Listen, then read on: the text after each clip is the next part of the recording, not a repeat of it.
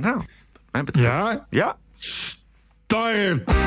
This is the TPO podcast. Debatteren zoals het moet bij Jeroen Pauw. Mevrouw Pa- meneer Pauwers, het mag over de eh, zorg.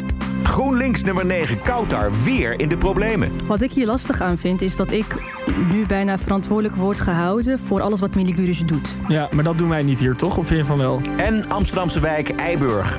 Zonder windmolens en homo's, maar met regenboogvlaggen. Tientallen regenboogvlaggen sieren de straten van Eiburg. Dit is aflevering 234. Ranting and Reason. Bert Bresson, Roderick Phalo. This is the award-winning TPO podcast. Het is vrijdagochtend 12 maart. Zeer goedemorgen Bert. Zeer goedemorgen, Roderick. De- ze werken bij mij hier in de straat. Een enorm kabaal. Maar volgens mij is het niet echt te horen, want ik heb alles dicht. En het is bijna zo stil als normaal. Ja, terwijl je ook zo'n soort zo'n zo'n soundproof kluis hebt in principe. Ja, ja. Maar dan Zijn, nog, als ze eh, voor de deur staan, Bert. Ik, ik weet niet wat ze doen. Volgens mij leggen ze leidingen. Eh, de hele straat ligt open. Grote vrachtwagens. De straat is niet meer te herkennen. Ik weet waar jij woont, Ja. dus ik weet ook wat er komt. En dat zijn windmolens. Alright. 200 meter hoog, Ja. zes stuks. Oh my god. 234, veel over de verkiezing natuurlijk ook. Debat gisteren bij Jeroen Pauw tussen de nummer 1 en de nummer 2, Rutte en Wilders. Mooi debat. Oh, Sterke Wilders. Scherpe Rutte ook. Over corona, onder andere. En waarom het zo misging. Mevrouw Pa- meneer Pauwers, het mag over de eh, zorg.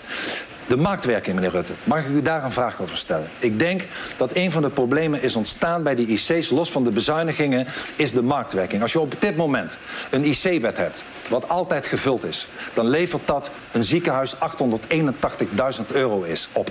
Maar op het moment dat een IC-bed leeg is, kost het ziekenhuis geld. En daarom is dat een van de redenen dat wij toen de crisis begon geen reservebedden hadden. Wat ik nu wil, is dat we die acute zorg, dat we die IC-bedden, dat we die spoedeisende hulp, dat we die dat we die beschermingsmiddelen, dat we die uit de marktwerking halen, dat we dat als algemeen belang verklaren, dat de overheid dat weer betaalt en weer regelt. Bent u met mij van mening dat we dat, dan kunnen we daar nu een deal over sluiten, dat we die IC's uit die verschrikkelijke marktwerking halen en dat de overheid dat weer gaat regelen. Nou, wat ik met u eens ben, is dat je af moet van de verkeerde prikkels. En er zitten in de zorgstelsels zitten verkeerde prikkels. Daar heeft u gewoon een punt. En specifiek het Eh, IC-bed? ja, IC En, en, ook bij, dat heeft ook natuurlijk een effect op de IC-bed. Dus- En Wilders heeft een goede voorstellen in de Kamer gedaan. Daar heb ik ook met u over gedebatteerd. Dat u zei, je zou eigenlijk moeten opbouwen in Nederland... een soort nationale zorgreserve. Ja, kijk, Ja, kijk. ja. Goede punten van Wilders. Ja. En Rutte geeft het toe. Ja, het is fantastisch. Want hierin zie je ook, je hoort ook dat eh, PVV hier dus echt de linkerkant op gaat. Hè. Die zegt de overheid moet Ja. het doen. Zoals onder andere in Duitsland natuurlijk gedaan is. Hebben we vaker over gehad in deze, deze podcast. Dus de overheid moet het initiatief pakken. En hij staat tegenover natuurlijk de man van de marktwerking. Die alle verantwoordelijkheid graag bij burgers en bij bedrijven houdt. En die moet dus nu een jaar na het begin van de corona gewoon toegeven. Ja, Wilders, je hebt een heel goed plan. Het lijkt wel bijna alsof Mark Rutte voorsorteert op samenwerking Ja, met de. PVV. Exact, dat, dat gevoel had ik ook. Maar als je verder kijkt in het programma, dan merk je dat de, die samenwerking nog wel eh, best, ver weg is. best wel ver weg is. Ja. Ehm, dit gaat over de minder Marokkanen uitspraak van Geert Wilders. U heeft in 2014 gezegd, minder, minder Marokkanen. Dat is een enorme bom geweest die insloeg in een heel groot deel van Nederland. U heeft een hele groep in de samenleving daarmee weggezet. U heeft daar nooit excuus voor gemaakt. U heeft nooit die fout toegegeven. Dus vanavond zou de kans zijn om dat wel te doen. Nou, ik zal u zeggen waarom ik die um, excuses niet heb gemaakt... is omdat hier een politicus staat die nog iets van een ruggengraat heeft. Misschien een nieuw begrip voor u. Die staat voor wat hij heeft gezegd. En ik wil inderdaad minder Marokkanen. Ik wil niet alleen minder Marokkanen. Ik wil ook minder Syriërs. Ik wil minder Afghanen. Ik wil minder Somaliërs. U heeft in de tien jaar dat u premier bent... 750.000 niet-westerse allochtonen in Nederland binnengehaald. En ik wil dat minder. Weet u hoe ik dat ga doen? Ik ga dat doen door de grenzen te sluiten. Door te zorgen dat er niet meer mensen uit islamitische landen naar Nederland komen. Ik ga de criminelen, mensen die een misdrijf plegen... ga ik verplicht uitzetten. En ik ga, gewoon ook een wet die het kabinet uitvoert... de remigratie bevorderen op grond van die remigratie. Dus nee, ik neem geen excuses. Waarom niet? Omdat ik het meen en omdat ik nog veel meer mensen minder wil hebben in Nederland. Omdat u ze allemaal massaal naar Nederland binnen heeft gehaald. Als u dat niet had gedaan, had u een beter punt gehad. Kijk, als we praten over migratie in de volgende stelling. Tuurlijk, ik ben er ook voor dat we die migratie verder beperken. Maar u praat hier over mensen die in Nederland zijn. die u ook het stemrecht wilt afnemen. Waarvan u zegt, als je de islam aanhangt, mag dat niet meer. De Nee, Koran als moet je worden. dubbele nationaliteit hebt, geen smerige spelletjes gaan spelen. Marokkanen hebben allemaal een dubbele heeft niets te nationaliteit. maken met islam zijn. Dan- Nee, u zei... U, U heeft, maar in- ik maak het toch even u af. wacht even, het Wils. Ik liet u nationaliteit gaat over dubbele uitpraten. Ik liet u nationaliteit. uitpraten. Toch even mee. Ja. U heeft geschreven, en het stond vanmorgen ook weer op nu.nl... ik ga de-islamiseren en daar hoort bij dat ik de Koran ga verbieden. Er hoort bij dat ik eh, moskeeën in Nederland ga sluiten... en mensen met een dubbele nationaliteit mogen niet meer stemmen. Marokkanen kunnen hun Marokkaanse nationaliteit niet afle- afleggen... dus die kunnen in uw programma niet meer stemmen. Kijk, waar ze elkaar vinden is denk ik wel eh, minder immigratie. En misschien ook wel minder immigratie uit het Midden-Oosten. M- Mensen die moeilijker aansluiten op de samenleving in Nederland. Zelfs D66 is daarvoor, hè, om daarover na te denken. Eh, behalve dan de echte vluchtelingen. Maar waar het natuurlijk misgaat hier... is dat R- m- eh, Wilders het heeft over minder Marokkanen. En dat betekent dus dat je eigenlijk inderdaad, wat hij ook zegt... remigratie gaat eh, bevorderen. En mensen met een dubbel paspoort hier probeert weg te persen. Ja. Daar gaat natuurlijk iedere samenwerkingskans eh, verloren. Want dat gaat Precies. Rutte terecht, denk ik, niet doen. Nee, sowieso niet. Is dat natuurlijk iets wat haaks op de grondwet staat. Ja. Eh, u- van überhaupt haaks op, op, eh, op democratische waarden. Dus daar kan dus geen enkele partij zich aan branden. Dat klopt. En dat is dus inderdaad wat Rutte ook ver- overigens terecht zegt.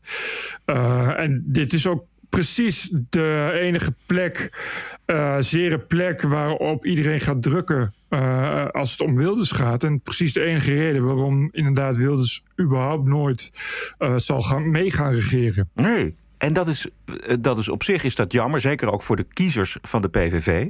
Want hiermee plaatst hij, we hebben het al eerder gezegd in de podcast... Wilders zich toch echt buiten regeringsdeelname. Ja, maar dat is. Nogmaals ik, nogmaals, ik ben ervan overtuigd dat hij dat ook bewust doet en dat hij dat ook wil. En dat hij dat eh, gewoon ingecalculeerd heeft. Ja? Hij wil hij echt niet regeren? Hij wil helemaal niet. Ja, hij wil wel regeren, maar niet mee regeren. Als hij eh, 76 zetels haalt, wil hij inderdaad regeren. Eh, dat heeft hij ook gezegd. Van ik wil alleen eh, meedoen in een coalitie als ik premier word. Weet je, nog zo'n Nou, hij- onhaalbare kaart. Ja, maar heeft hij dat nou gezegd? Heeft hij gezegd: ik word premier? Nee. Ik, ik- nee, nee, ik bedoel, hij kan ook zeggen: mijn partij mag meeregeren, maar dan blijf ik in de Kamer zolang ik geen premier ben. Weet je wel, dus dan, dan heb je een soort eh, constructie zoals vroeger Bolkestein had. Die zei: nou, oké, eh, VVD regeert, maar ik blijf eh, ten behoeve van het dualisme blijf ik in de Kamer. Als, als... Dat, dat weet ik niet. Volgens mij heeft hij dat niet zo gezegd. Oh, maar dat, moet zeggen dat ik dat niet 100% zeker weet. Maar ik, ja, ik, ik las ook alle commentaren op. Die komen ongeveer op hetzelfde uit. Van ja, Wilders is er niet op uit om te regeren. Want met zo'n programma is dat natuurlijk onmogelijk. Ja. En dat, dat moet hij hebben geweten. Je- je- het is, ik snap. Het is anders onmogelijk om te bedenken waarom, waarom dat soort paragrafen erin zitten. En dat maakt hem natuurlijk ook gewoon koning oppositie, hoe dan ook. En dat heeft, op zich is dat slim gespeeld. Want hij weet, hij weet toch wel dat, dat het niet gaat gebeuren. En dan kun je maar het beste zo hoog mogelijk inderdaad je, oppositie, je oppositiebal houden. Oké, maar dan heb je dus uiteindelijk, als je dus klaar bent als politicus, dan heb je een carrière waarin je eh, eh, vooral veel oppositie gevoerd hebt, maar waar je natuurlijk feitelijk heel weinig bereikt hebt. Misschien. Nee, ja, welkom in het leven van Wilders, zou ik Nee, nee, welkom, maar- in- welkom bij de PVV. Ja, maar dat is dan toch, zeg maar, als je terugkijkt op je politieke carrière, zou dat dan toch jammer zijn dat je dan het toch niet voor elkaar hebt gekregen. Dat lijkt mij, voor iedereen binnen de PVV lijkt mij dat vervelend. Nou ja, maar dat is sowieso... Dat het nooit gelukt is.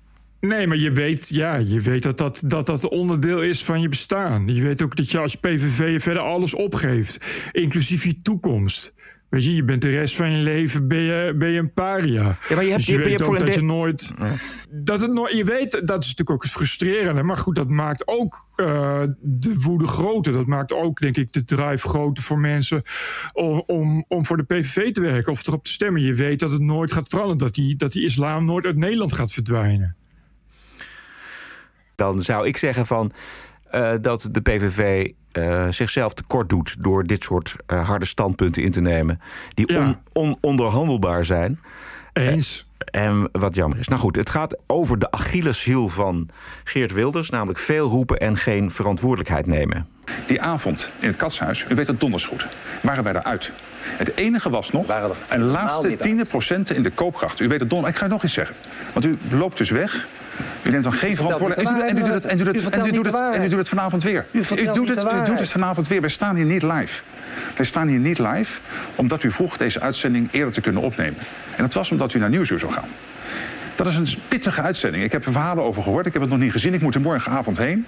Dat is een pittige uitzending waar je pittig wordt bevraagd. Dat hoort ook bij politiek verantwoordelijkheid nemen. Meneer Wilders, wij staan hier nu vroeger. Het is niet live. Meneer Kelder moet dadelijk nog weer terugkomen over drie uur. Omdat hij hier alleen nu voor, als, een, als een pop zit. Maar dadelijk moet hij echt een programma gaan uitvoeren. Jordi Kelder. Ja. Waarom heeft u dat gedaan? Waarom gaat u dit even naar Nieuwsuur? Waarom bent u daar zo bang voor?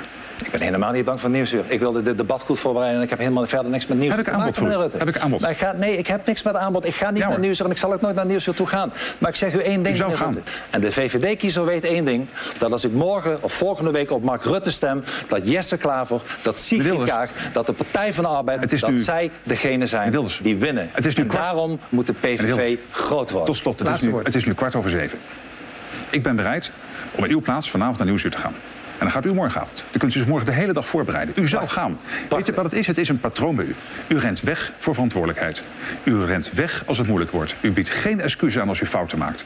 Echt, dat is een leider onwaardig.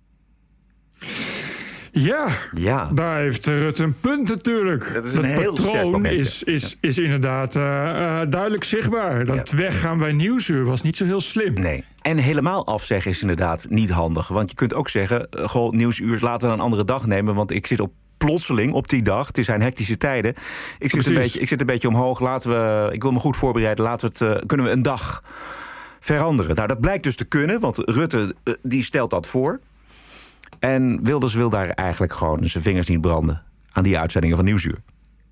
Nee, kennelijk. Ik snap, maar ik snap niet waarom, waarom die ooit heeft toegezegd dan. Ik denk dat het zo gegaan is. Ik denk dat, eh, je krijgt natuurlijk die hele lange lijst van uitnodigingen. Natuurlijk is het nieuwsuur belangrijk, zeker. Dus Wilders zegt daar het toe. Dan vervolgens zien we dus dat programma, dat verkiezingsprogramma van Nieuwsuur, zich ontwikkelen tot een van de, ja, tot een fantastisch programma waarin echt pijnpunten bij alle partijen worden aangesneden. We gaan dat zo meteen Ja. bij Klaver horen. Ja. En goed voorbereid, eh, goed gepresenteerd, eh, goed geanalyseerd. Met mensen in de eh, studio, burgers, weer burgers, die goede vragen stellen. Dus ik denk dat hij gewoon denkt van wow. hier heb ik geen zin in.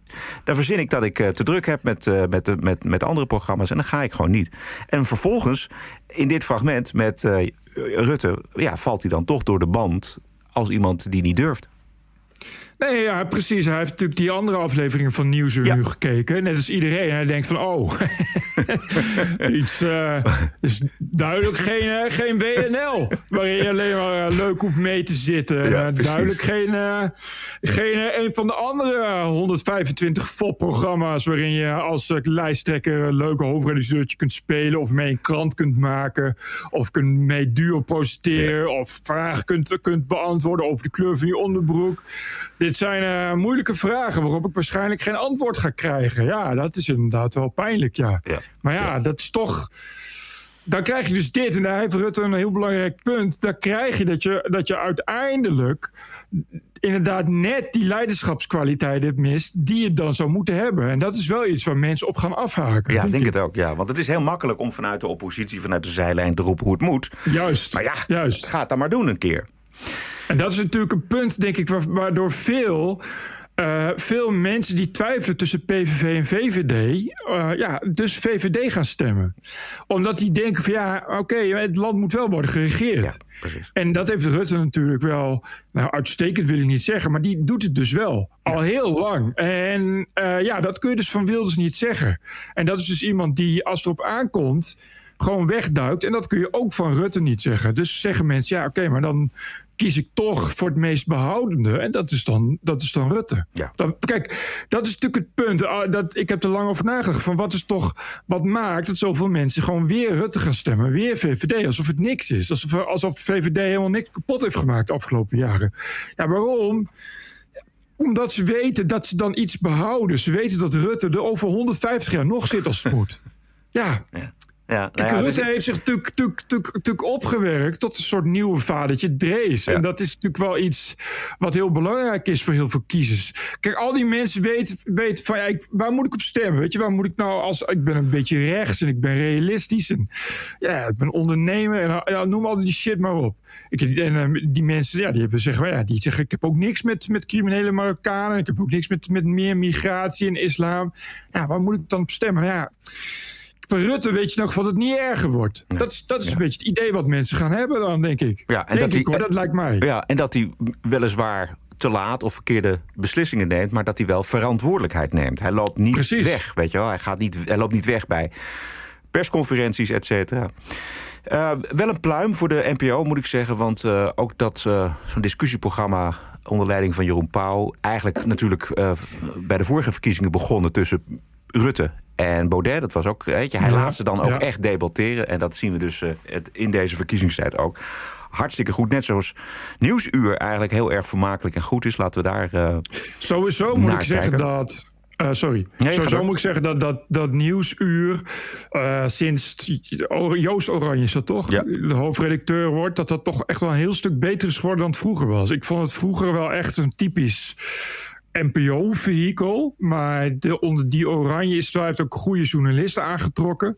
Eh, mensen van RTL bijvoorbeeld, Zeker. RTL Nieuws die zijn gaan. Lotte Ragut van de RTL zit in de hoofdredactie van Nieuwsuur. Dat zijn echt allemaal Oh, ja? mensen. Ja, dat zijn mensen. En Matthijs Bouwman zit er natuurlijk. Dus dat zijn mensen die heel erg ook feeling Precies. hebben met Precies. wat er in het land leeft. Ja. En ik heb echt de laatste jaren toch wel het idee dat dat nieuwsuur... dat kun je niet meer echt betichten van, van, eh, van eenzijdigheid. Eh, ze hebben ook Saskia Dekker. Eh, en en ja, kijk, en die, eh, die Wollaars, die, die, die ken ik. Dat is iemand die nooit, dat is iemand die nooit aan, aan, aan een kant heeft gezeten, zeg maar, zou ik maar zeggen. Die komt ook eigenlijk van AT5 en toen ging hij naar de NOS. Maar hij heeft altijd, eh, aan de, aan de, altijd de humor van geen stijl beg- begrepen, zal ik maar zeggen. En altijd online begrepen.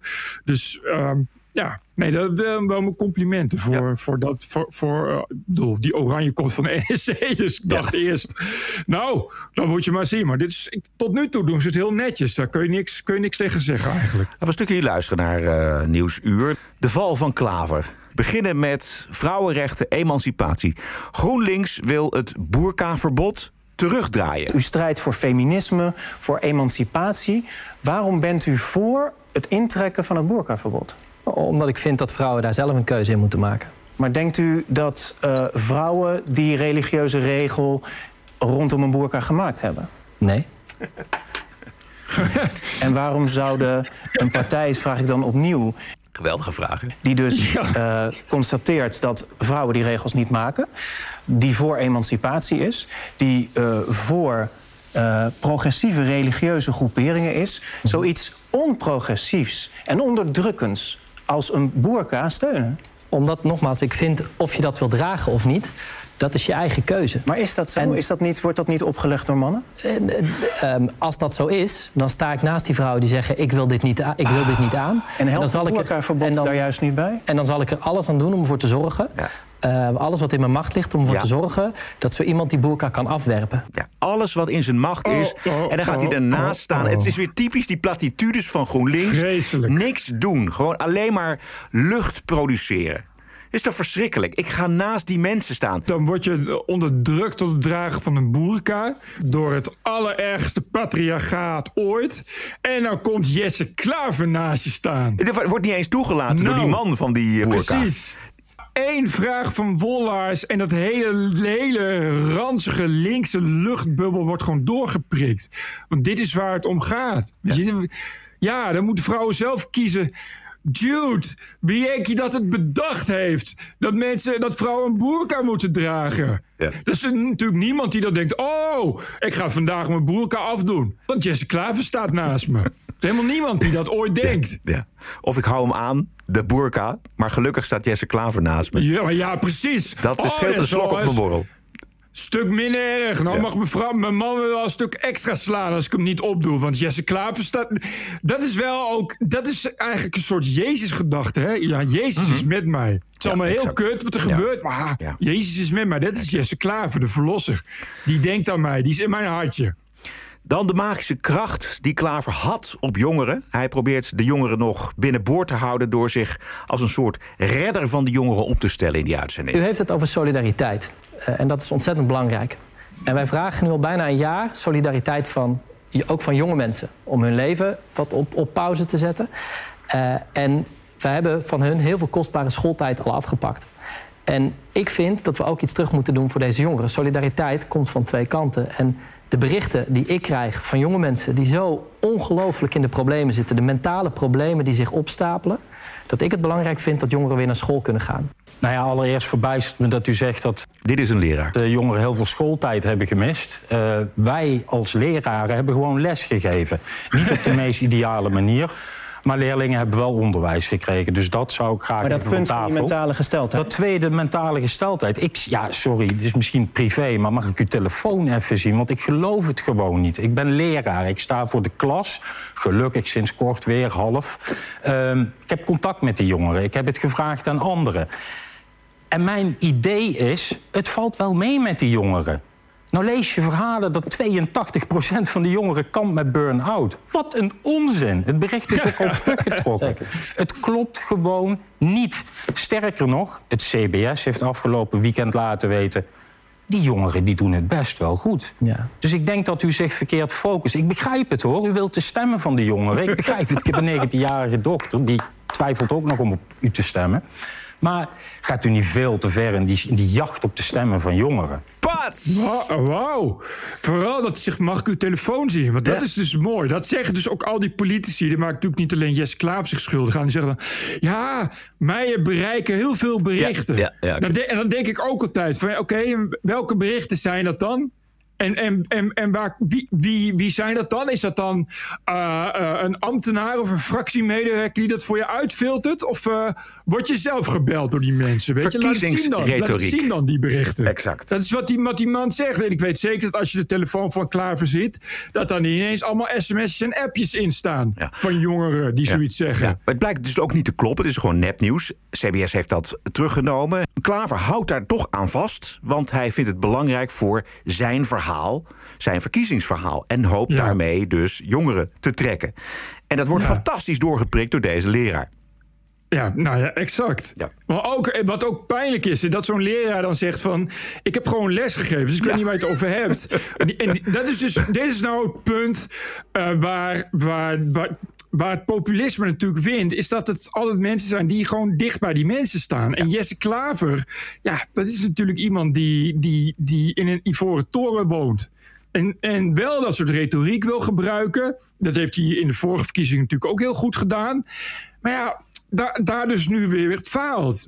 Hij weet niet eens, volgens mij, eh, dat er gewoon online les is gegeven. Dat die scholen gewoon door zijn gegaan. Ja. Misschien weet Ja. hij het wel, maar kan hij het niet gebruiken in zijn verhaal. Ja, precies. Ander geweldig onderwerp. Biomassa. Wij zijn daar niet voor. Daar zijn wij nooit voor. Wij zijn daar gewoon nooit voor geweest. Maar dat is geen echte duurzame energie. De Klaver zegt nu dat hij daar nooit voor is geweest... maar ondertussen staat het land wel vol met dit soort biomassacentrales... niet in de laatste plaats gebouwd na impulsen van GroenLinks. En dus is de klimaatwoordvoerder van GroenLinks in de Tweede Kamer... helemaal nog niet met die centrales klaar. Alleen maar zeggen, ik wil het niet en nergens. Ja, dat is ook geen houdbaar standpunt. Want dan moeten we terugvallen op fossiel, op kolen, op gas. Ja, het was een droomoplossing voor de lokale aanpak van de klimaatproblemen... biomassacentrales. Maar het dreigt een beetje een ramp te worden. Waarom steunen zoveel GroenLinks-wethouders in den landen nog steeds die biomassa? Daarom vind ik het zo fijn om bij Nieuwsuur te zitten, omdat het over de inhoud gaat. Ik denk ook dat het hele idee dat we met biomassa de oplossing is, dat dat een achterhaald idee is. Maar nu hebben we wel een probleem. Ehm, willen we daarmee stoppen de komende tijd? Dat gaat niet in één keer. Bij kolencentrales wel, want er is genoeg elektriciteit eh, voorhanden als, als alternatieve oplossing.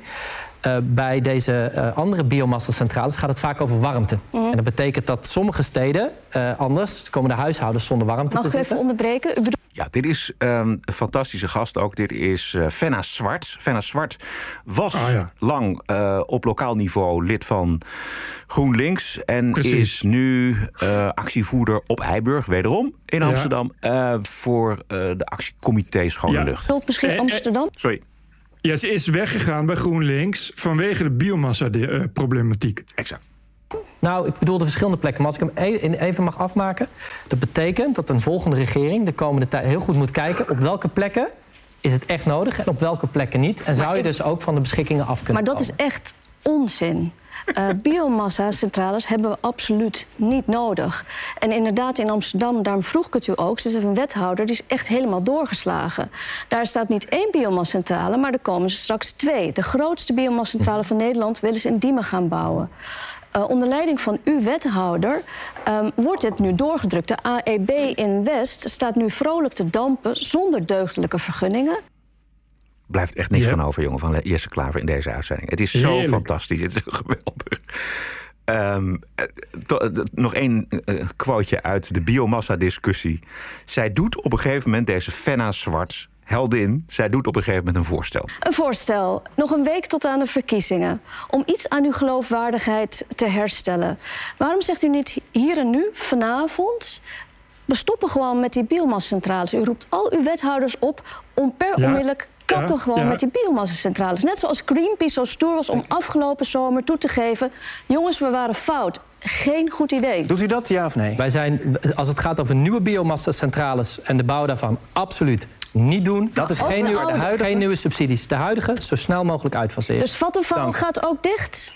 Zo snel mogelijk. Oké, okay, nou Vattenval bij deze. Het is onwaarschijnlijk pijnlijk dom allemaal. Dit, uh, dit, dit, hoe, kan hij nou dit soort, hoe kan hij nou dit soort dingen zeggen? In de eerste plaats al dat hij geen biomassa wil... en dat die woordvoerder dat zijn eigen woordvoerder dan weer moet... milieuwoordvoerder ja, moet zeggen van nee, nee, nee. En ja. nu weer, nu ja. weer dit. dit We stoppen ermee. Ja, weet je hoe het komt? Dat komt omdat GroenLinks een partij is van idealen. Dus die, die gooien een stip op de horizon... en die zeggen daar moeten we heen. Je pint je vast op een idee en daar moet je heen. Hij raakt daar ook bij Nieuwsuur gewoon in paniek. Hij, hij, krijgt die vragen en, en, en, en zegt dan: Ik ga dat doen. Terwijl hij, terwijl hij dat, dat, terwijl dat dus niet kan. Zijn eigen wethouders willen dat niet en kunnen dat ook niet. Uh, ja, dat is echt, dit is echt dodelijk. Dit is echt, echt voor leiderschap is dit het, het allerdomste wat je kunt doen. Zeg, Ronald Plasterk heeft vandaag een column in de Telegraaf. Ja. En daarin geeft hij toch Jesse Klaver nog maar een genadeschot. Oké. Okay. Ja, dat is allemaal heel vrij dodelijk. Nou, precies, daarom hebben we het er ook over. Omdat het zo'n uh, verwoestende uitzending... een verwoestend optreden van hemzelf was... Uh, bij Nieuwsuur. Nog even een ander onderwerpje. Natuurlijk Kautar Bouchalik, de nummer 9. De banden van haar organisatie Femiso, waar zij vicevoorzitter van was, met het moslimbroederschap. Is die organisatie nou wel of niet verbonden aan de moslimbroederschap? Wat, wat, ik, uh, wat ik heb gedaan. Kijk, er zijn allerlei berichten dat, er een, dat, dat dat zou zijn of dat dat niet zou zijn. Naar onze informatie is dat niet het geval. Dat is dan toch opmerkelijk, want uh, heel veel onafhankelijke experts onafhankelijke journalisten. Ook, ook, uit ons onderzoek blijkt dat. Maar ook de Duitse inlichtingendienst in Noord-Rijn-Westfalen, de Verfassungsschutz daar, die heeft gezegd: Femiso mm -hmm. is gelieerd aan ja. de moslimbroederschap. Ja. Waarom zegt u dan, als een van ja, de weinigen, dat dat niet zo is? Nee, dat, was, dat is de informatie wij hebben. U noemt Kauto wel degelijk. Omdat namelijk de veronderstelling die hiervan uitgaat... is dat zij tot, tot de conservatieve, uh, of de politieke islam behoort. Kijk, ik kan mij nog heel goed herinneren, toen ik dit ook voor het eerst hoorde, dacht ik, wow, was ik ook geschrokken. Dacht ik, wat betekent dit? Want de politieke islam hoort niet thuis binnen GroenLinks. Uh, en het gesprek wat ik toen uh, met, met haar daarover had, plotseling ging zij mij vertellen, uh, welke, of, of, ging zij mij vragen ja. welke boeken ik van, van zwarte feministen had gelezen. en hoe belangrijk dat was. En waar ik mensen op beoordeel, is niet de conservatieve omgeving waar ze vandaan komen of waar ze hebben vertoefd. Uh, want dat was Femiso, maar dat was ook nog op andere plekken. Ja. Ik kijk naar wie iemand nu is. Wat? Oké. Okay. Ja. Oh, dat biedt hoop voor heel veel mensen. Ja. En mooi dat de Partij van de Hoop inderdaad open staat voor eigenlijk iedereen. Maakt niet uit hoe groot je strafblad is of wat je ideologieën waren. Of misschien stiekem nog wel zijn. Jesse kijkt naar hoe mensen nu zijn. Precies, dus geen, ex, geen, an, geen oude tweetjes meer bovenhalen van uh, politieke tegenstanders. Gewoon kijken naar hoe de mensen nu zijn. Ik ga me meteen aanmelden bij GroenLinks. Het kan niet anders dan dat ik in een warm bad word ontvangen. Maar weet je, zo is het dus gegaan. Die Kautar die viel op natuurlijk, dat mogen duidelijk zijn. En vervolgens ja. gaat Kautar dus hem in het sollicitatiegesprek de les lezen. Van wat weet je eigenlijk van gekleurde feministen? Hij is gewoon overrompeld door deze vrouw.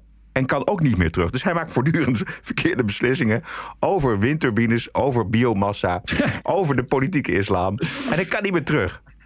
Ja, maar, ja, nee, maar Kautar is wel. Daar had, had hij alle tijd voor gehad om terug te gaan. Dat wilde hij gewoon per se niet. Dus nu zit hij er aan vast. En nu, Kautar is, is, kan ik je nu al vertellen, uiteindelijk wat een volledig de grond in gaat boren. En wat GroenLinks helemaal naar de nul zetels gaat duwen straks.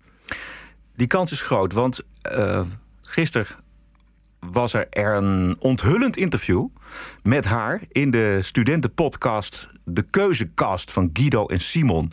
Ja. Uh, gisteren was ze daar te gast dus. En in het begin was het nog lachen, gieren, brullen. Klassiek, hè? Weet je wel, dat tussenjaar na het studeren.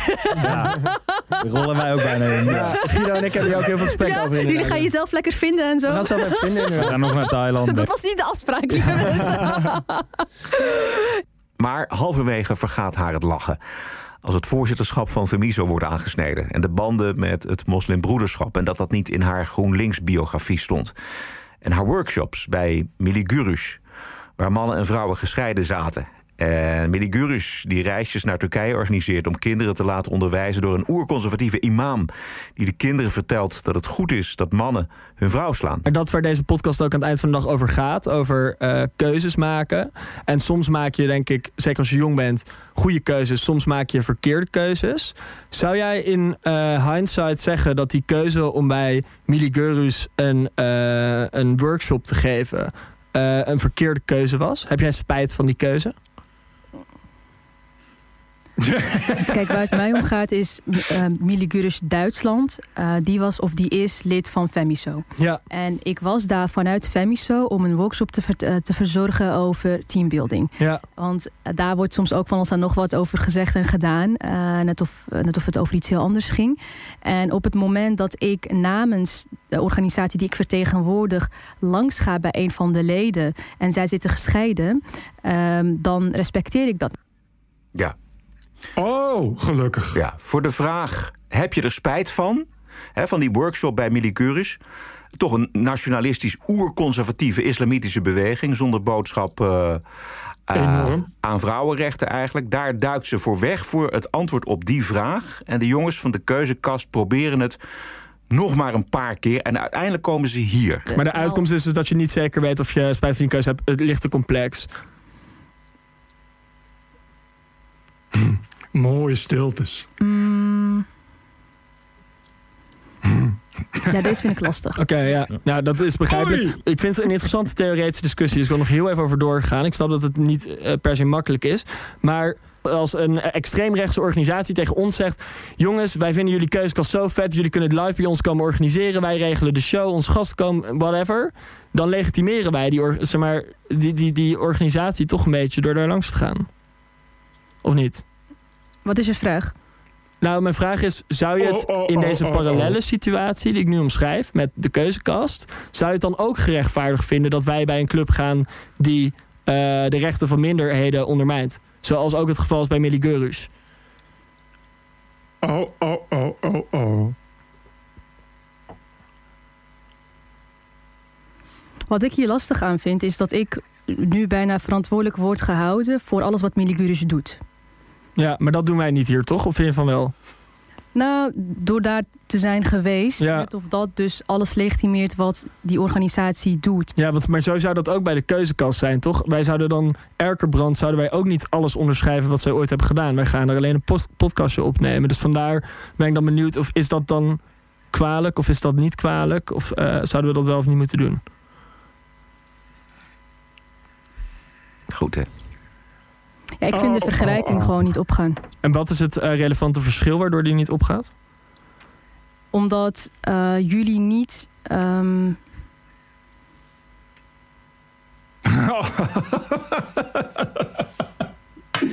Bam!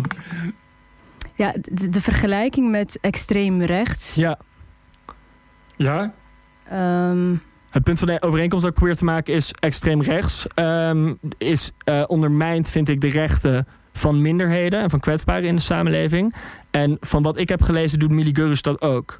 Dus dat Precies. is, dat is het relevante punt Precies. van- eh, van de overeenkomst voor mij. Ja. Ja, Maar ja, het is een moeilijke kwestie. Ik denk dat we er zo genoeg eh, voldoende diep op in zijn gegaan. Of, vind je- of wil je er nog wel over doorpraten? Mm, Jesus Christ. Zij, heeft zij nou, geen ja, wat ik er mediawoordvoerder lastig aan vind, is dat nu ehm, ook een soort. ehm, ja, nou ja, de, de, de verantwoordelijkheid die nu hier bij mij wordt neergezet voor wat een eh, internationale organisatie doet Ja. in een specifieke context, internationaal, eh, die vind ik best wel heftig. Die vind je heftig. Ja. En maar dat is dan, ja, maar, d- ja, ik vind dat toch lastig, omdat je, ook als je bij een organisatie hoort aan het eind van de dag, maak je je eigen keuzes daarin. Mhm. Toch zeker als je vicevoorzitter bent, kun je ook zeggen, eh, dat doe ik niet.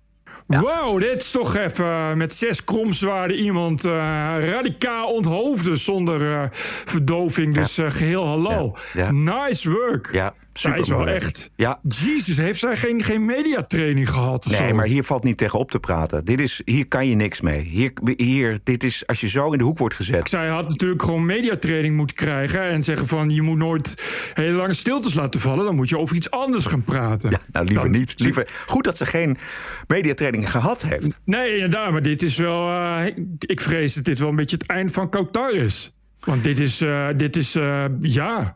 Dit is, eh, dit is een, dit is een zelfmoord, eh, zelfmoord-explosie. Ja, beetje. eigenlijk wel, ja.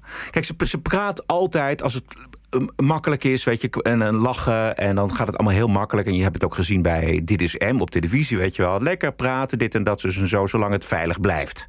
En zo zal ze ook ongetwijfeld ook in die sollicitatiecommissie bij GroenLinks hebben gezeten. Ze ziet er goed uit, ze kan goed praten. Maar als er echte vragen worden gesteld, dan valt ze stil.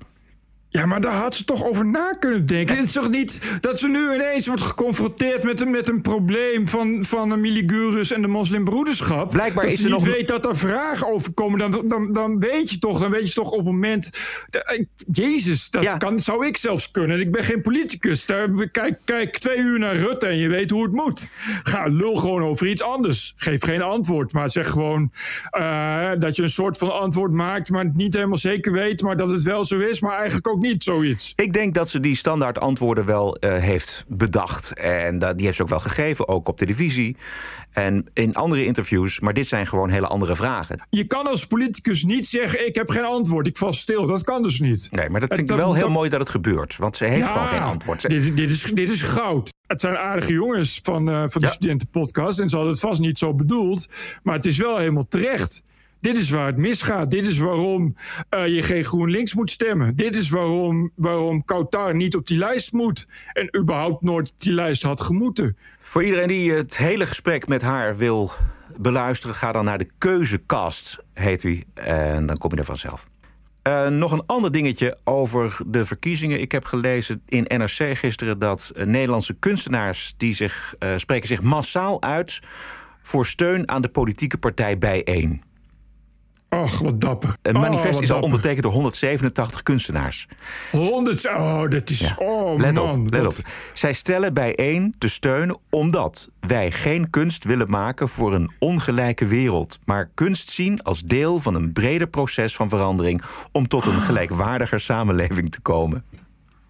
Wat vreselijk hartverwarmend dit. Ik heb de lijst gezien, maar ik kon er eigenlijk geen eh, hele bekende kunstenaars in terugvinden. Nou ben ik nee, niet, niet echt een kenner van de Nederland. kunstenwereld. Maar er zaten in ieder geval geen, geen bekende cabaretiers of bekende schrijvers tussen. Ja, Tinkerbell staat er toch wel tussen, neem ik Nee, aan. Die zelfs Tinkerbell, tussen. zelfs zelfs Tinkerbell kwam ik er niet... Als eh, zelfs Tinkerbell ja. er niet tussen staat, zou ik het wantrouwen. Dat zijn het, dan is het wel echt heel obscuur, hoor. Ja.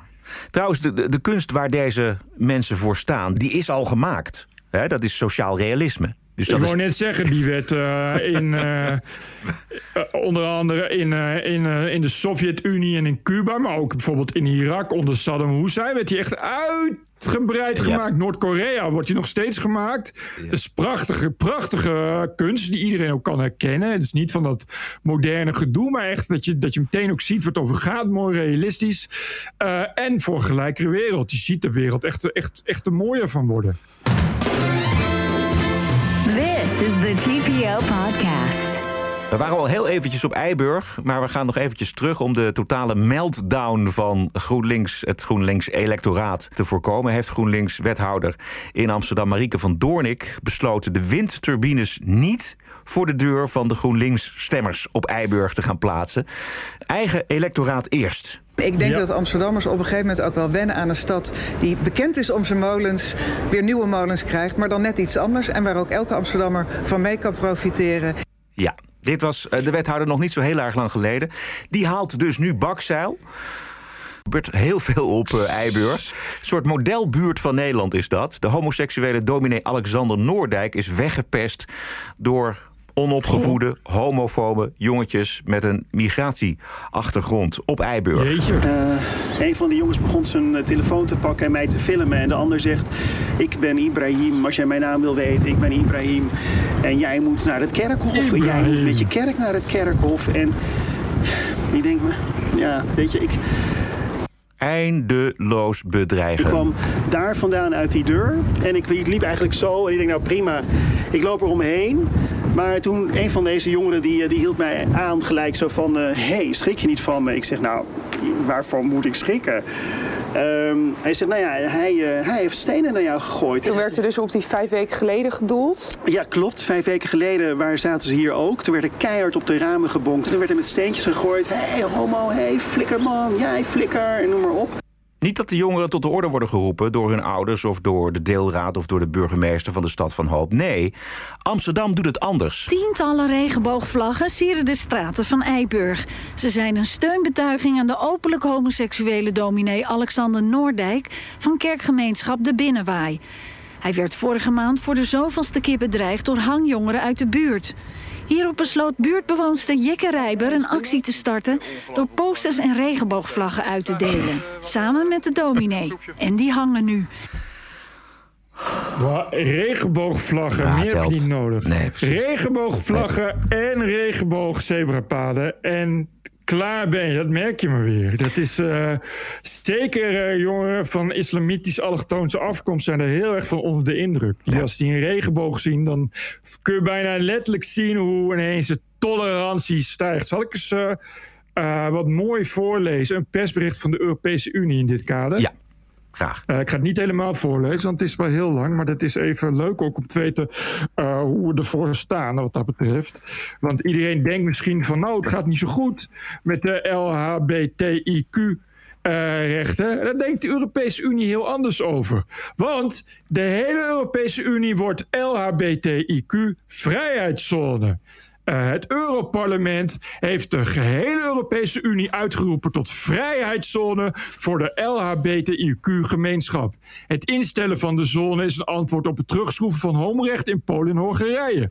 In deze landen hebben lokale overheden eigen zones ingericht die vrij zijn van de LHBTIQ-ideologie. Of hebben ze andere maatregelen genomen tegen mensen die behoren tot de regen, tot de, het staat er echt, regenbooggemeenschap. Dit druist in tegen de burgerrechten in de EU. En mede daarom komt het parlement met een tegenactie. Nou, bladibladibladibla. Bla, Eh, eh, heel Europese Unie is dus nu een regenboogzebrapad. Eh, want in Polen en Hongarije doen ze onaardig tegen homoseksuelen en, En in Amsterdam. Het is zo raar dat de hele tijd het woord islam maar niet wil vallen in het Europese parlement. Hey, en Bert, de banlieues in eh, Frankrijk, horen die ook tot de regenboogvrijheidszone? Ik denk het wel, want Europarlementariër Sophie in het veld van D66 maakt zich zorgen.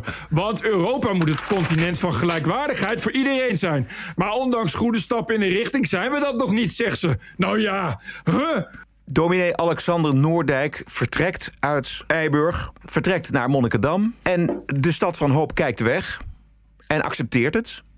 Hoezo? Die, die hebben toch regenboogvlaggen? Ja, maar goed. Maar zo- eh, hij gaat dus, want die regenboogvlaggen die hebben heel raar niet geholpen.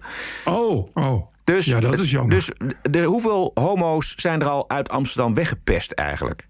Echt heel veel. Heel veel. Maar echt heel veel. Maar eh, de laatste keer, dus niet deze keer, maar de keer ervoor... heeft Femke Halsema een regenboogvlaggetje op haar Instagram-profiel geplaatst. Dus ik vind het raar dat het nu weer gebeurt. Ja. Uh, buiten de vijandigheid in Polen en Hongarije is er in Vlaanderen weer een homo van 42 vermoord omdat hij homo was. Daders zijn twee jongeren van 16 en 17 jaar. En de Belgische zender VRT draait er eindeloos omheen waarom jongeren dat nou doen, homo's vermoorden. En dan hebben ze een professor van de Universiteit van Gent gevonden die het fenomeen homo's in elkaar slaan of vermoorden gaat uitleggen. Geweld tegen homo's komt in Vlaanderen vaak van jonge daders. Soms speelt religie daar ook een rol in. Dus mensen die uh, sterk hun religie beleven, zijn ook vaak homonegatiever. Ook vaak een zekere vorm van uh, frustratie. Hè, wanneer men bijvoorbeeld ja, werkloos is als jongere, of wanneer, men, wanneer dat er ook een zekere frustratie is omdat men geen inkomen heeft. Ja, nee, dat is. Dat die, man, is uh, die, man is dus, die man is dus professor. Die, geeft, die heeft dus een stijl hersenen. Die, die, gaat dus, die moet dus nadenken. Ja. Maar die, wat hij doet met die stijl hersenen is die verzint dus iets anders waardoor die, die bij die islam kan wegblijven. En bij die opvoeding van die jongeren. En bij de imams. Werkelijk. Dus het heeft allemaal niks. Weet je wat? Het, gaat, het gaat over gebrek aan stageplekken. Het gaat over kansenongelijkheid. Het gaat niet over opvoeding. Het gaat niet over imams. Het gaat niet over homohaat die met de paplepel wordt ingegoten bij die jongens thuis en in de moskee. Ik vind echt, dit soort, deze hoogleraar moet je gewoon ontslaan. Het is echt, je kan niet. Dit is gewoon niet waar ook. Het is gewoon nepnieuws. Nee, het is niet zo, het is niet zo dat je kan, kan waarmaken dat mensen, omdat ze werkloos zijn en een laag inkomen hebben, dat ze dan in parken homo's gaan doodsteken. Nee, nee. maar oh, het is zo'n heerlijk verhaal. Het is, het is hier met dit verhaal komt links, GroenLinks, Partij van de Arbeid, de politiek correcte groegemeente, komt daarmee weg. Het is verschrikkelijk. Het is echt al jaren. Al jaren. Ja. Dit is gewoon goed praten van geweld. Dit is gewoon kwaadaardig. Kwaadaardig dom is dit. Overigens uh, zijn de Belgische media er nou als uit dat het jongeren van islamitische afkomst zijn. Want uh, ze willen alleen nog maar de hele tijd de voorletter en de achterletter kwijt. Ja. Uh, terwijl in Belgische media, normaal gesproken, ik kan me herinneren dat niet zo heel lang geleden een blond meisje student werd verkracht en vermoord. En de dader was na één dag al inclusief foto met naam en toenaam in beeld, want het was een blanke man. En het duurt nu ineens wel verdacht lang dat we helemaal niks te horen krijgen. Terwijl ik zag al uh, online foto's van de daders. Nou, dat logen niet om qua afkomst. Ja. ja. Uh, deze professor zegt dan inderdaad van... Het, hij durft de islam niet eens te noemen, dus hij heeft het over religie. Religie. Verwoestend voor de samenlevingen in Europa, dit, dit wegduiken. Laten we naar de Wokweek gaan, Bert. Yeah. Let's go. I was offended and I have rights. TPO Podcast. You're an adult. Grow up. Deal with it.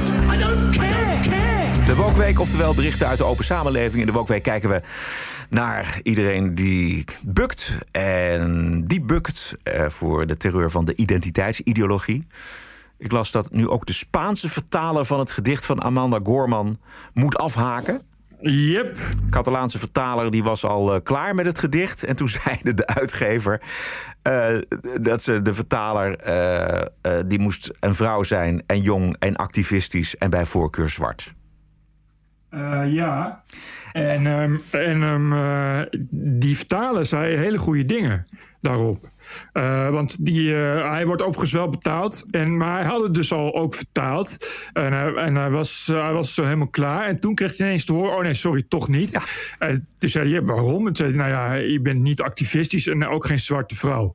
Hadden we, achteraf hadden we dat graag willen doen.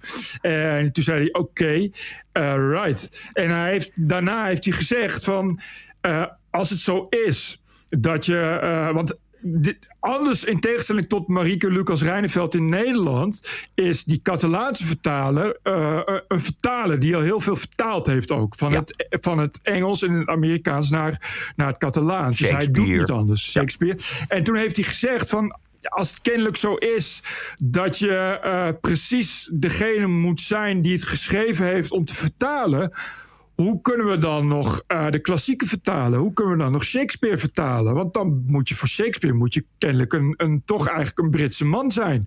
En, dan moet je voor de klassieken, als je Homerus wilt vertalen, moet je toch gewoon een, uh, een, een, oude Griek zijn. En dan moet je toch uh, een oude Romein zijn. En ik dacht ook van ja, daar heeft hij wel een punt. Ja. Dat wordt dan wel een beetje lastig. Ja. Daar hoor je dan niemand over namelijk. Ja, precies geloof dat ze nog geen nieuwe vertaler hebben gevonden voor, eh, voor het project. Maar het is toch echt treurig. Het is mooi hoe dat allemaal, hoe die identiteitspolitiek wordt blootgelegd en hoe racistisch die, die, eh, die woke-beweging is. Het onderwijs in Leiden wordt gedecoloniseerd. Een collectief van Ja. Leidse docenten en studenten... die willen een debat over decolonisatie van het onderwijs aanzwengelen. En hun probleem is dat alleen aan westerse bronnen... waarde en waarheid wordt toegeschreven. En dan vraag je je Ja. af, ja, hoe dan? Hè? En, en, en welke bronnen dan eh, willen zij dan erbij gebruiken? Niet-westerse bronnen dan? Ja, ze hebben eigenlijk geen idee. En want ze zeggen ook zelf, dat is lastig. Uiteindelijk komt het dan neer op romans, films en muziek zoals de Afrobeat. Alternatieve bronnen. Ja, op een universiteit. Alternatieve, originele bronnen. Ja, dit is, eh, het is hardcore onderzoek, dat begrijp je. De mevrouw eh, die dit allemaal zegt, is ook een mevrouw die eh snoeiharde beta-wetenschap bedrijft. Oh nee, wacht. Die doet, ik geloof, interculturele communicatie en decolonisatie, zo'n soort studie. Eh, dus haar hele oeuvre ook. ze is PhD.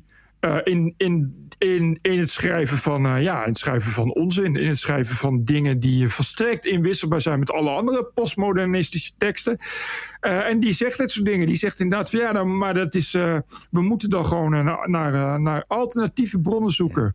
Dus dan krijg je romans, films en muziek. Echt eh, goede wetenschappelijke bronnen, vind ik dat. Ja, dus het wordt niks. Weet je, het, is, het wordt helemaal niks met dat decoloniseren, Bert. Daar kunnen Het we is al niks, nee, het was al nee, niks en nee. het wordt ook niks. Maar het zal echt niet gebeuren dat er videoclips en afrobeat wordt gebruikt als alternatieve bronnen voor de westerse bronnen. Dus het wordt is ook totale onzinstudies allemaal. Ja. Het is vreselijke fopwetenschap. fopwetenschap en het is vooral gebakken lucht. Wij denken dan bij decolonisatie vaak aan geschiedenisonderwijs of burgerschapsonderwijs. Maar ook in de wiskunde, in de exacte vakken valt nog genoeg te decoloniseren.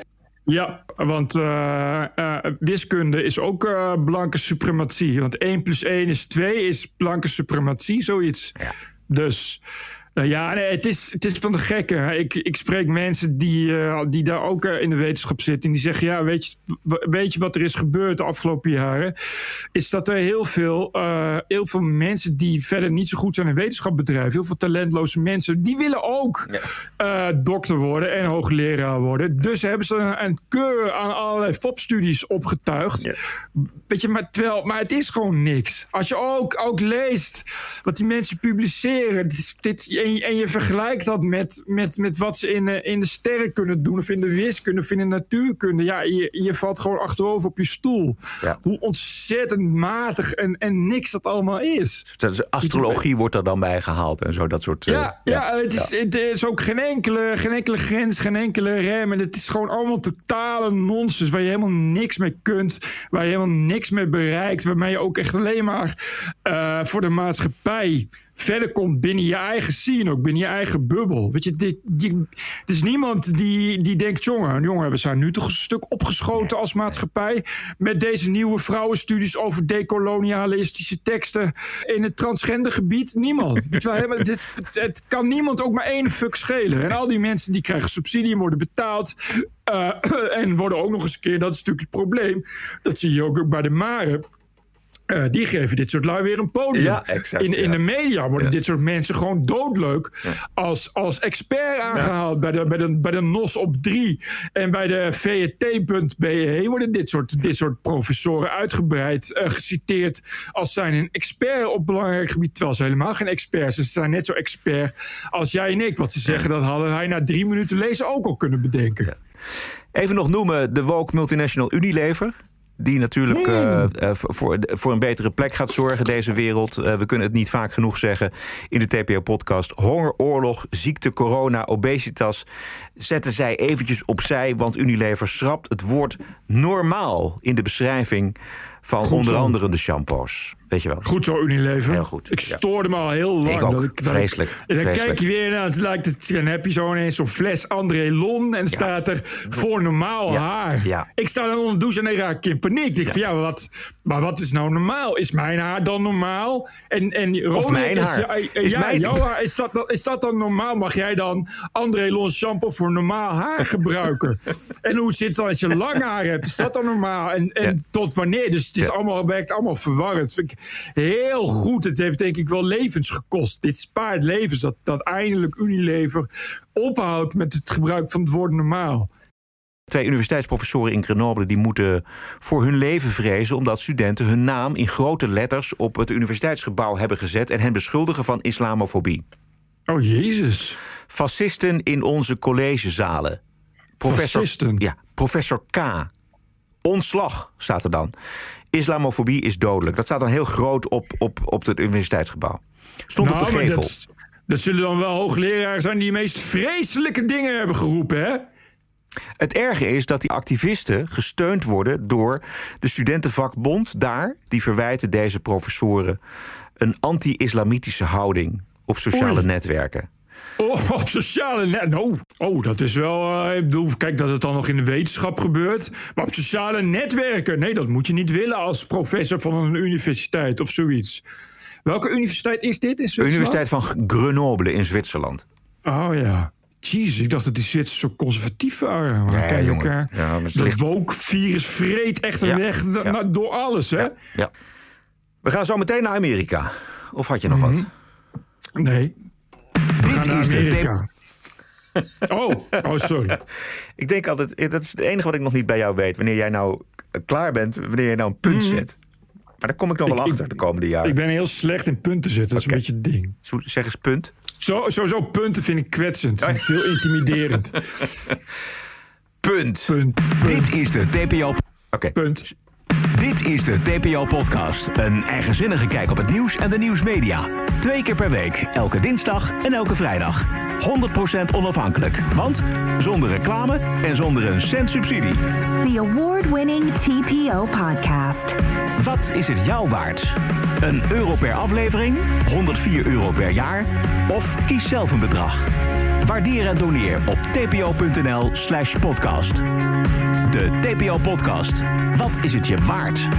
Iedereen die gedoneerd heeft en een briefje heeft geschreven, die wordt genoemd eh, altijd op dinsdag. Dan gaan we naar Amerika toe. TPO podcast. Ladies and gentlemen, the president-elect of the United States. This is CNN breaking news. We have never, ever, ever, ever failed. Never, in America. ever. It's an incredible way of putting it. Telling the truth matters. It's an incredible way of putting it. This is a Russian intelligence disinformation campaign. Why isn't Joe Biden angrier about all of this? How stupid can you be? This is a classic example of the right wing media machine. Sure. You know the facts well. Go ahead. Joe Biden staat op instorten. Het is niet om aan te zien, Bert. Hij onthoudt geen namen en bij elke speech hoopt je dat hij het einde überhaupt haalt. It's my great honor to serve as your commander in chief.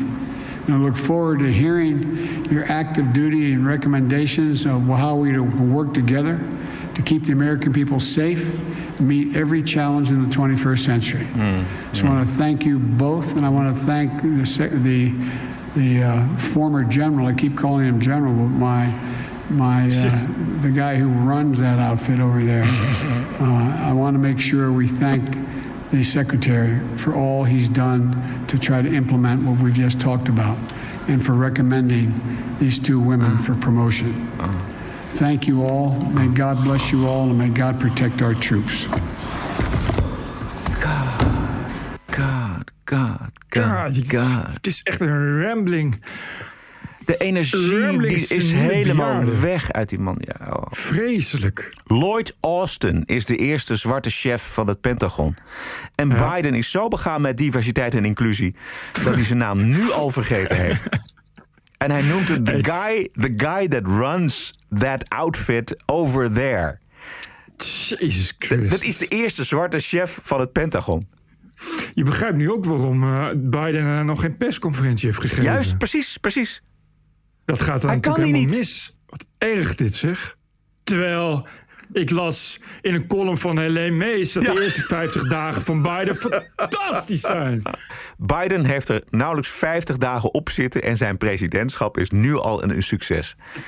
Helene, Helene, eventjes. Watch this. Watch the guy. Het is echt sad. Ja. Dat het zo, het is echt, als je het hoort, dan krijg je echt medelijden. Ja, ja, dat is afschuwelijk. En niet alleen zijn energie is verschrikkelijk natuurlijk, maar heel onverwachts probleem opeens eh, voor de zuidelijke staten, zoals Texas.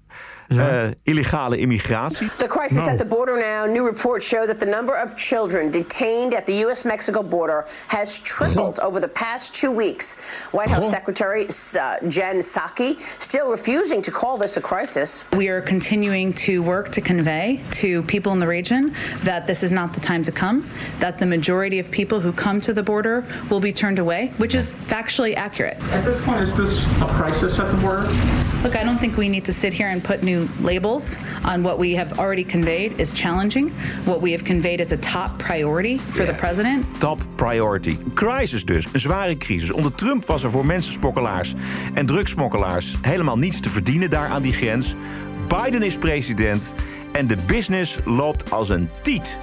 Ja, en opvallend, dan worden ineens eh, kinderen weer gescheiden van hun ouders en opgesloten in kooien. Terwijl, dat was toch de schuld van Trump? Zouden die democraten, zouden die progressieve mensen overal in de wereld nou niet in de gaten hebben hoe desastreus hun politiek van uh, loze kreten en mooie woorden is? Uh, liberalism is een disease. Het is een mental disorder, exact. Het is, dus je kan die mensen eigenlijk niet kwalijk nemen. Eigenlijk is het gewoon een ziekte. Die mensen moeten allemaal verpleegd worden. Ja.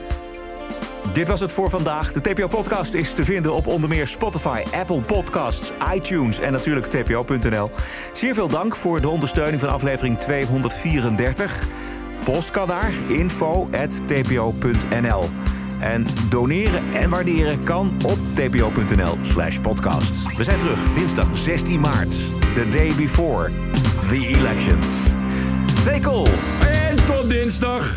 TPO Podcast. Bert Bruson, Roderick Balo, Ranting and Reason.